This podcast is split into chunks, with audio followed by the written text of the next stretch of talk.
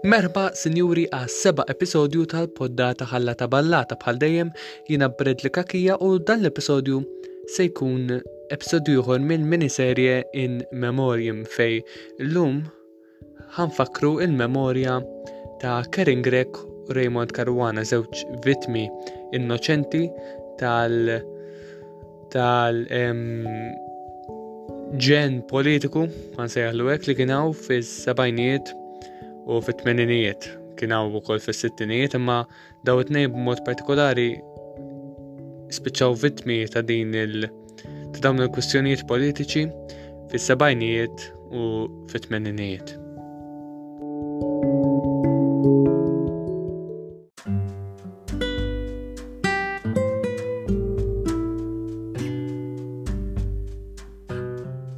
Karen Gregg twildet ġewwa Londra fil-25 ta' Lulju tal-1962 Hija bint il-Professur Edwin Grech u martu Pearl. Din kienet tfajla li nqatlet ta' 15-il sena kawża ta' splużjoni li seħħet minn pakkett bomba imgeżwer f'karti tal-Milied li ntbagħat fid-dar tal-ġenituri tagħha f'San Ġwann nhar it-28 ta' Deċembru 1977. Fil-preżenza ta' ħuha Kevin li dak iż-żmien kien għad kellu 10 snin, Karen kienet fetħet il-pakkett li kien indirizzat lil missiera li ħasbitu xi rigal. Hija mietet nofs siegħa wara fl-Isptar San Luqa kawża tal-ġrieħi li ġarrbet minħabba ħruq f'diversi partijiet ta' ġisimha. Fil-quddiesa tal-funeral l-Arċisqof Mikiel Gonzi kien sejjaħ il-qtil ta' Karen Grech bħala l-ewwel att terroristiku fil-pajjiż. Karen kienet l-ewwel wild tal-Professur Edwin Grech li fl-1958 kien tela' l-Ingilterra biex jispeċjalizza fil-ġinekoloġija. Fl-1961 iżżewweġ f'Barth lil Pearl Theresa Bryant minn Somerset. Dik is-sena marru jgħixu Londra. Kien intgħamdet fil-Knisja Kattolika ta' St. Albans fil-Majstral ta' Londra fit-12 ta' Awwissu 1962. In-nannet tagħha l-ġenituri ta' missierha Vincent u Marija kienu l-parrini tagħha. Fl-1964 il-professur mar bil-familja f'Kampala, l-Uganda, fejn damu sal-1973.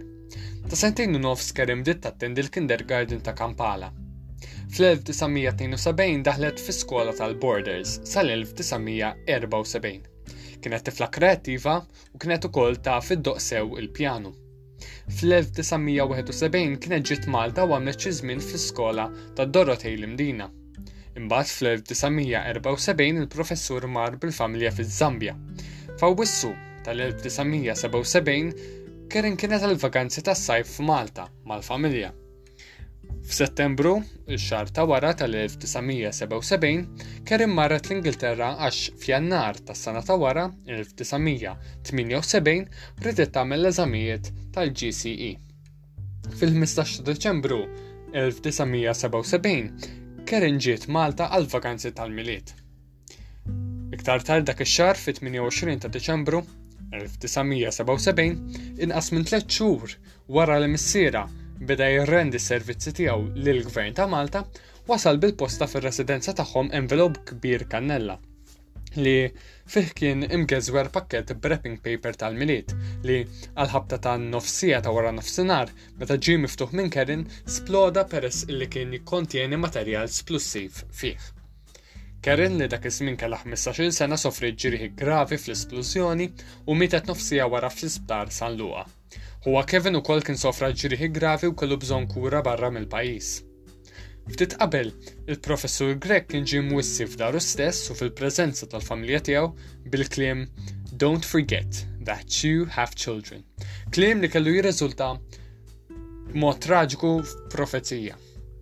Għal-ħabta ta' Awwissu 1977, qabel ma mitet Karen, il-professur Edwin Grek kien qiegħed tal-vakanzi f'Malta u kien qed jaħseb biex imur lura jagħti s-servizzi tiegħu fir-Renju Unit, meta f'Malta kienet għaddejja kwistjoni industrijali bejn il-Gvern u l-Assoċjazzjoni Maltija tat-Tobba, il-MAM, il-MAM.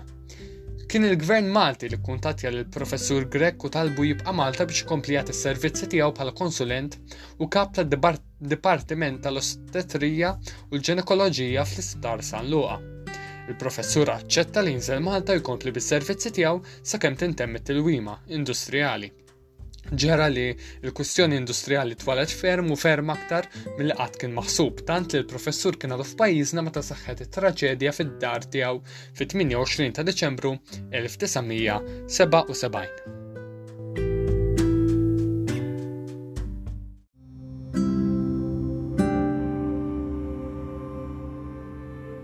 Minkejja li għaddew ħafna snin, il-kas għadu mhux solvut u għadu mhux stabilit min wetta id-delitt. Mill-2008 l-hawn il-Pulizija kienet qiegħda tkellem grupp ta' persuni li fl-investigazzjonijiet ta' qabel ma kinux ġew interrogati mill-Pulizija. Fl-2009 l-ġurnal It-Torċa rapporta li l-Pulizija Maltija ta' fatajnija fuq numru żgħar ħafna ta' tobba Maltin residenti fl-Ingilterra li kienu magħrufa għal rabtiet fil-qrib mal-Partit Nazzjonalista fi żmien l-istrajk tat-tobba tal-1977. Rapporta wkoll li kienu investigati wkoll kidbiet fil-British Medical Journal li deru fl-1977. Sadattant fl-aħħar ta' Novembru 2010, il-Prim Awla tal-Qorti Ċivili ordnat lill prim Ministru bħala l-Kap tal-Gvern Malti biex jagħti s-somma ta' 419,000 287 euro, jiġifieri 419287 lill-Professur Edwin Grech u lill-familja tiegħu bħala kumpens għal qtil politiku ta' Kerin. Fil-kummenti tiegħu għal din l-aħbar il-Professur Grek qal li din tiftaħlu ħafna bibien fl-investigazzjoni tiegħu biex xejn il-pulizija tasal għal qattil jew qattila. Fl-istess waqt huwa wera diżappunt kbir għal mod kif il-pulizija investigat il-qtil ta' bintu. L-imħallef Raymond Paċ li presida l-kawża fisser id-nuqqas tal-gvern li jagħti kumpens għal dawn is-snin kollha bħala trattament diskriminatorju fuq bażi politika. Fis-sentenza tiegħu l-imħallef għamilha ċara li d-delitt seħ bħala konsegwenza tas servizzi li l-professur Grek ta' l-Gvern Malti u fisser id-deċiżjoni tal-Gvern li jirrifjuta li jagħti kompens bħala aġir diskriminatorju. L-imħallef Paċ sostna li mill-provi eh, jirriżulta li l-Gvern kompensa lil diversi persuni li spiċċaw vittmi minħabba ċirkustanzi pubbliċi għax taw servizz lill-gvern jew minħabba li sofrew atti vjolenti madankollu naqas milli għamel l-istess mal-familja Grech. Huwa sostna li d-delitt ta' Karin Grech kien wieħed ta' natura mediku-politika frott tal-klima partikolari li nħolqot fil-kwistjoni industrijali bejn il-gvern u l-Assoċjazzjoni Maltija tat-Tobba. Żied jgħid li d-deċiżjoni tal-Professur Grech li jaċċetta li jkompli jaqdi lill-pubbliku bis-servizzi mediċi tiegħu kienet suġġett ta' tensjoni kbira għalih u għall-familja tiegħu. Iżda l-gvern ħabbar ftit tal-jum wara li se jappella minn din is-sentenza. Minkejja li qal li se jaċċetta li jħallas il-kumpens qal li ma jaqbilx mal-qorti li dan il-każ politiku li dan kien każ politiku għax id-delitt għadu mhux solvut u għadu mhux stabilit minn wettaq id-delitt. Nhar il-11 t'April 2011 il-Qorti Kostituzzjonali ċaħdet l-appell imressaq mill-Gvern u kkonfermat is-sentenza li kienet tat il-Qorti Ċivili li l-qtil ta' Karen Grech li seħħ fit-28 ta' Diċembru 1977 kellu motivazzjonijiet mediċi politiċi. Għalkemm il-Gvern kien ikkontesta d-dikjarazzjoni li għamlet il-Qorti huwa ħallas il-kumpens lill-ġenituri ta' Karen Grech Għaldaqstant ladarba huwa aċċetta u fil-fatt ħallas il-kumpens, skont il-Qorti Kostituzzjonali dan ifisser li l-Gvern aċċetta d-dikjarazzjoni li waslet għall-ordni tal-kumpens u għalhekk ma jistax ikkontesta aktar id-dikjarazzjoni li ngħatat. Nhar 17 ta' Novembru 2017 xahar wara l-assassinju ta' Daphne Caruana Galizia l-familja ta' Karen Grech resqet protest ġudizzjarju fejn qed iżżomm lill-Avukat Ġenerali, il-Kummissarju tal-Pulizija u d-Direttur Ġenerali tal-Qrati responsabbli għall-lejbien ta' evidenza meqjusa bħala kruċjali. Il-protest ikompli ikompli il-persuni msemmi, ikompli jgħid li l-persuni msemmija huma responsabbli tan-nuqqas ta' progress fl-investigazzjoni. Iktar u iktar, meta dan l-aħħar saru jafu li biċċiet mill-envelop li kellu traċċi tal-isplussiv apparentament għebu mill-kustodja tal-qrati. Il-familja Grek qalet li din l-evidenza setgħet tixħed dawl fuq reat grazzi għat teknoloġiji u żviluppi ġodda fix-xjenza forensika f'dawn l-aħħar 40 sena. Iżda ġimgħa wara l-Kummissarju tal-Pulizija, l-Avukat Ġenerali u d-Direttur Ġenerali tal-Qrati tal-Ġustizzja sostnew li mhux vera intilfet xi evidenza ewlenija mill-każ tal-assassinju ta' Karen Grech huma argumentaw bit-tweġiba lill-Qorti li s-suspetti huma infondati. Żidu jgħidu li minn investigazzjonijiet li saru dawn id-dokumenti għadhom fil-pussess tal-maġistrat inkwerenti. Tajjeb ukoll insemmu lil Paul Ketkuti Karwana tabib u membru parlamentari Laburista eh, bejn l-1976 u l-1981 li kien irċieva wkoll bil-posta bomba li maħadiċ fl-istess jum u ħin fl-istess jum u ħin li pakket simi li kien impostat lit tabib Edwin Grek u li kien kienet qatlet lil bintu Kerin. Bdew jinxterdu xnigħat li għax ma ħaditx il-bomba li kien irċieva Ketkuti Caruana kien hu li għamel il-bomba li qatlet lil Karen Grech. F'intervista li ta' fl-2007 Ketkuti Caruana meta mistoqsi jafx minn qatel lil Karen Grech wieġeb Fid-depo naħseb jafu minnu u naħseb anke f'tal-pjeta jafu minnu. Għaliex skont ma qalulu l-esperti tal-bomba tiegħu ma ħadit l-esperti l-bomba tiegħu ma ħaditx għax kien hemm xi molol imsaddin u stqarr li hu kien se jkun vittma ta' frame up mill-pulizija fuq dan il-każ u akkuża li l-esperti ta' Scotland Yard li għenu fl-investigazzjonijiet li kienu kważi viċin li jkomplu bil-frame up. Qal li fl-1991 kien hemm tentattiv li jerġa' jsir frame up fuqu meta programm televisiv kien reġa' qabad il-każ u kien wassal biex il-pulizija televa l-marka il-marki, skużawni, tal-pala ta' edejn it-tabib biex tqabbilhom ma' dawk elevati minn fuq il-karti li kienu mgeżwra l-pakketti splussivi li ntbagħtu fl-1978 iżda Spjega li kollox kien reġa' waqa' fil-muta wara li l-marki tal-id la qablu ma' tiegħu u lanqas ma' ta' Reginald Cini li kien jgħix fl-Awstralja. Fil-Parlament nhar 19 ta' Ġunju 1985, il-kap tal-Oppożizzjoni Eddie Fenekadami meta kien qiegħed iwieġeb għall-intervent tal-Ministru Laburista Alex Xiberra Strigona kien qal Ngħidlek xi darba dwar Kering Grek meta nkunu aħna fil-gvern ngħidlek min, tikkonfondix. Nagħmlu l-investigazzjonijiet bis-serjetà u ngħidlek mela le. Wara l-bidla fil-gvern fl-1987 il-Prim Ministru Edifin Kadami kien ta' struzzjonijiet lill pulizija biex jagħtu priorità lil numru ta' każijiet fosthom il-każ ta' Karen Grech, iżda tul is-snin qatt ma tressaq ħadd il-qorti fuq il-każ. F'intervista li Fene Kadami ta' fl-2010 huwa qal li hu kien għamel dak kollu possibbli biex il-każ ikun solvut. Fl-2009 l-mexxej Laburista Joseph Muscat qal li L-qtil ta' Karen Grech u l-qtil ta' Raymond Caruana kienu delitti li saru minħabba intolleranza politika. Din l-intolleranza hija marda kiefra li l-poplu Malti u Għawdxi għandu jibqa' jikkumbatti. Li liem mill-politika partiġġjana f'dawn id-delitti ma nxteriġ demm blu jew aħmar imma demm innoċenti. Nhar 11 ta' April 2011 il-Partit Laburista reaġixxa għad-deċiżjoni tal-Qorti tal-Appell sede kostituzzjonali billi qal li din tpoġġi responsabilità kbira fuq il-Prim Ministru u l-Kabinett li jmexxi wara li kienu huma li appellaw mid-deċiżjoni tal-Prim Awla tal-Qorti Ċivili għax ma qablux li d-delitt kien riżultat tax-xogħol li kien qed iwettaq il-Professur Grech fi żmien il-kwistjoni mediko-politika. Waqt li deskriva l-appell tal-gvern bħala wieħed insensittiv u li offenda kemm lil kull min huwa ta' rieda tajba kif ukoll il-familja Grek, il-Partit Laburista qal li l-fatt li l-appell kien miċħud mhux biss juri kemm il-gvern kien żbaljat meta bqa' jirrifjuta li jaċċetta li d-delitt kien marbut max-xogħol tal-professur Grek, imma wkoll il-gvern sabbat il-bieb f'wiġġ dawk kollha li matul is-snin għamlu sforzi kbar biex iġibu l-għaqda fil-pajjiż. Fl-1981, il-Gvern Laburista bena sptar għat-tfal maġenb l-Isptar San Luqa fi Gwarda Manġa li semmieh Sptar Karen Grech. F'San Ġwann hemm ġnien Karen Grech b'monument tagħha fih fejn ta' kull sena fl-anniversarju tal-qtil tagħha l-Partit Laburista jtella' programm ta' tifkira f'ġieħha bil-preżenza tal-qraba tagħha.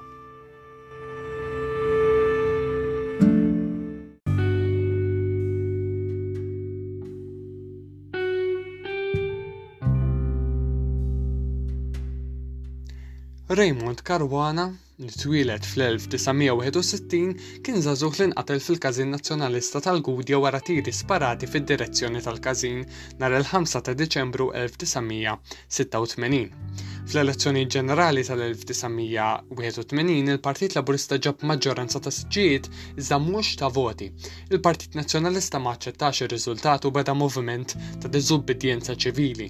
Il-qtil ta' Raymond Caruana kien il-qofol tal-vjolenza politika fit-tmeninijiet u kien qtil li seħħ f'katina ta' vjolenza politika li kkaratterizzat lil Malta fil-perjodu bejn it-30 ta' Novembru tal-1986 u 12 ta' Diċembru tal-1986. Fit-30 ta' Novembru l-Partit Nazzjonalista ma kienx tħalla jagħmel mass meeting fiż-Żejtun u kienet saret ġlieda mal-partitarji Laburisti u l-Pulizija. Il-vjolenza kompliet fl-ewwel ta' Diċembru 1986 meta xi partitarji Laburisti f'Karkejt wafqu quddiem il-Każin Nazzjonalista ta' Kaltarxin u sparaw tiri ta' submachine gun lejn il-bieb tal-każin li kien magħluq. Nhar il-5 ta' Diċembru 1986 fil-għaxija, grupp ta' partitarji nazzjonalisti nġabru fil-każin tal-Gudja għall-attività soċjali abbinata mal-inawgurazzjoni tal-każin u l-bidu tal-istaġun tal-festi tal-Milied.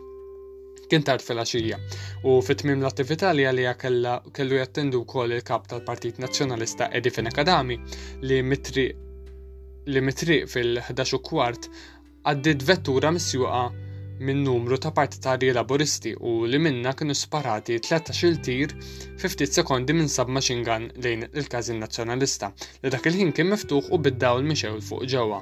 Qed ngħidu hawnhekk il-11 u kwart ta' filgħaxija. Filwaqt li numru ta' bullets weħlu fil-ħajt madwar il-bib tal-każin waħda minnhom nifdet il-ħġieġa tal-bib tal-każin u laqtet lil karwana ta' 25 sena f'wiċċu. u mizzvinat fil-każin.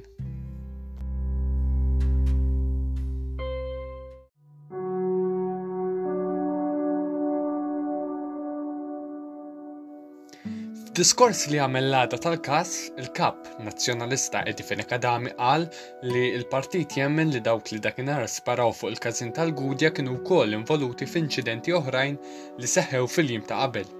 fit-Triq tal-Barrani u fil-Każin Nazzjonalista ta' Ħal Tarxien, u appella wkoll biex il-poplu jibqa' magħqud u jaħdem għar-rikonċiljazzjoni nazzjonali. Għall-aħħar tislima li tmexxiet mill-Arċisqof Ġużeppi Merċieqa, l-uniku deputat Laburista li kien ħasem kien Joe Brincat. Missieru, Missier Raymond Ġużeppi, kien qal, Jekk il-mewt tat-tifel tiegħi sservi għall-paċi, aħjar mietu biss inkella imutu ħafna. Ftit jiem wara sar frejma biex iwaħħal fl-attivist Nazzjonalista Pietru Pawl Busuttil minn Ħal Safi li mbagħad irriżulta fil-Qorti li qatt ma kellu x'jaqsam mal-isparatura li bidlet l-istorja politika ta' pajjiżna. Is-submachine gun li ntuża tpoġġa fir-razzett ta' Busuttil. L-arma kienet instabet fi tfittxija suspettuża kontroversjali li wettqu l-Pulizija fir-razzett tiegħu. Fil-qorti, Pietru Pawl Busuttil kien liberat minn kull akkuża u l-qorti kkonfermat li fil-konfront tiegħu kien sar frame-up. Fl-24 ta' Diċembru tal-2000 skużawni, tal-1990, lejlet il-Milied, Nikola Sellul magħruf bħala Ċaqwes kien trasa l qorti akkużat bil-qtil ta' Karwana wara li ġie identifikat bħala s-sid tas-submachine gun. Minkejja dan ix-xhieda tiegħu qatt ma sdemet għax Qabel beda l-ġuri tiegħu laħaq miet b'overdose tad-droga fl-2001. Il-każ baqa' mhux solvut. Il-Partit Nazzjonalista għadu jfakkar kull sena l-qtil ta' Caruana b'quddiesa u bi tqegħid ta' kuruni ta' fjuri fuq il-qabar tiegħu fiċ-ċimiterju tal-Gudja. Nhar it-Tlieta ta' Diċembru 2016, il-Prim Ministru l-eks Prim Ministru Laburista Joseph Muscat żar il-qabar ta' Caruana xi żmien qabel kien iltaqa' wkoll mal-qraba tiegħu.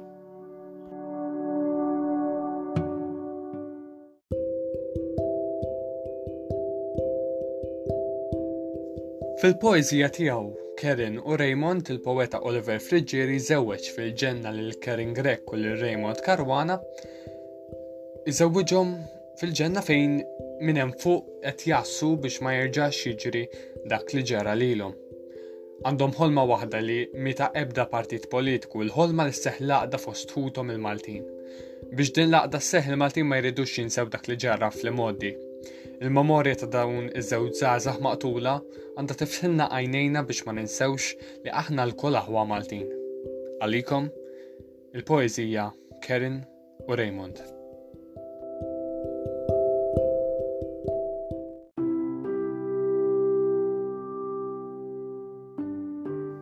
Hawn fuq iltqajna tnejn għall-ewwel darba, għarajjes li saħħarna minn xulxin, għarajjes li m'hemm xejn li se jifridna, għarajjes li noħolmu bil-Maltin.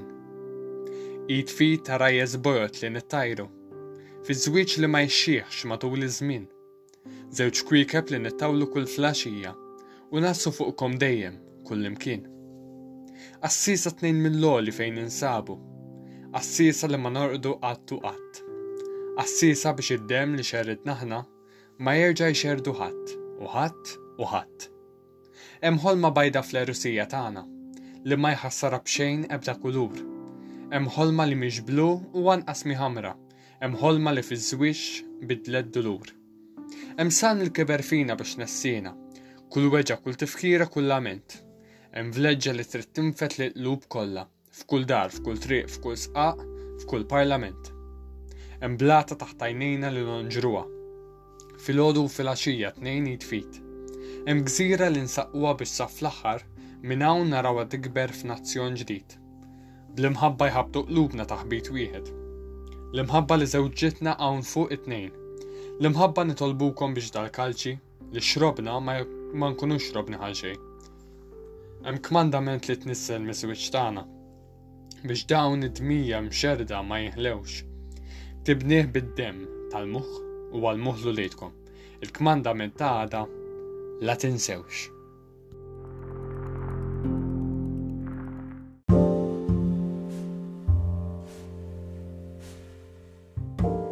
Nispera li dan kien episodju informattiv u li ħattu gost tisimgħuh.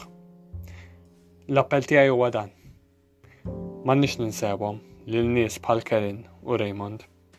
Għandna nibqgħu nġeddu il-memorja tagħhom matul is-snin sabiex id-dem tagħhom ma jkunx inxteret għal xejn. Għanna dejjem naħdmu għall-laqda Maltija Lil hinn mill-aħmar u mill-blu, mill-blu u mill-aħmar fejn ninaqdu verament bħala Maltin u neqirdu dal-partiġjanizmu dal-bipartitizmu li għaw f'pajjiżna li marrat il-mentalità tagħna. Jiena, terġgħu tismawni fl-episodju li jmiss tal-poddata ħala ta' ballata nar l-erba li ġej.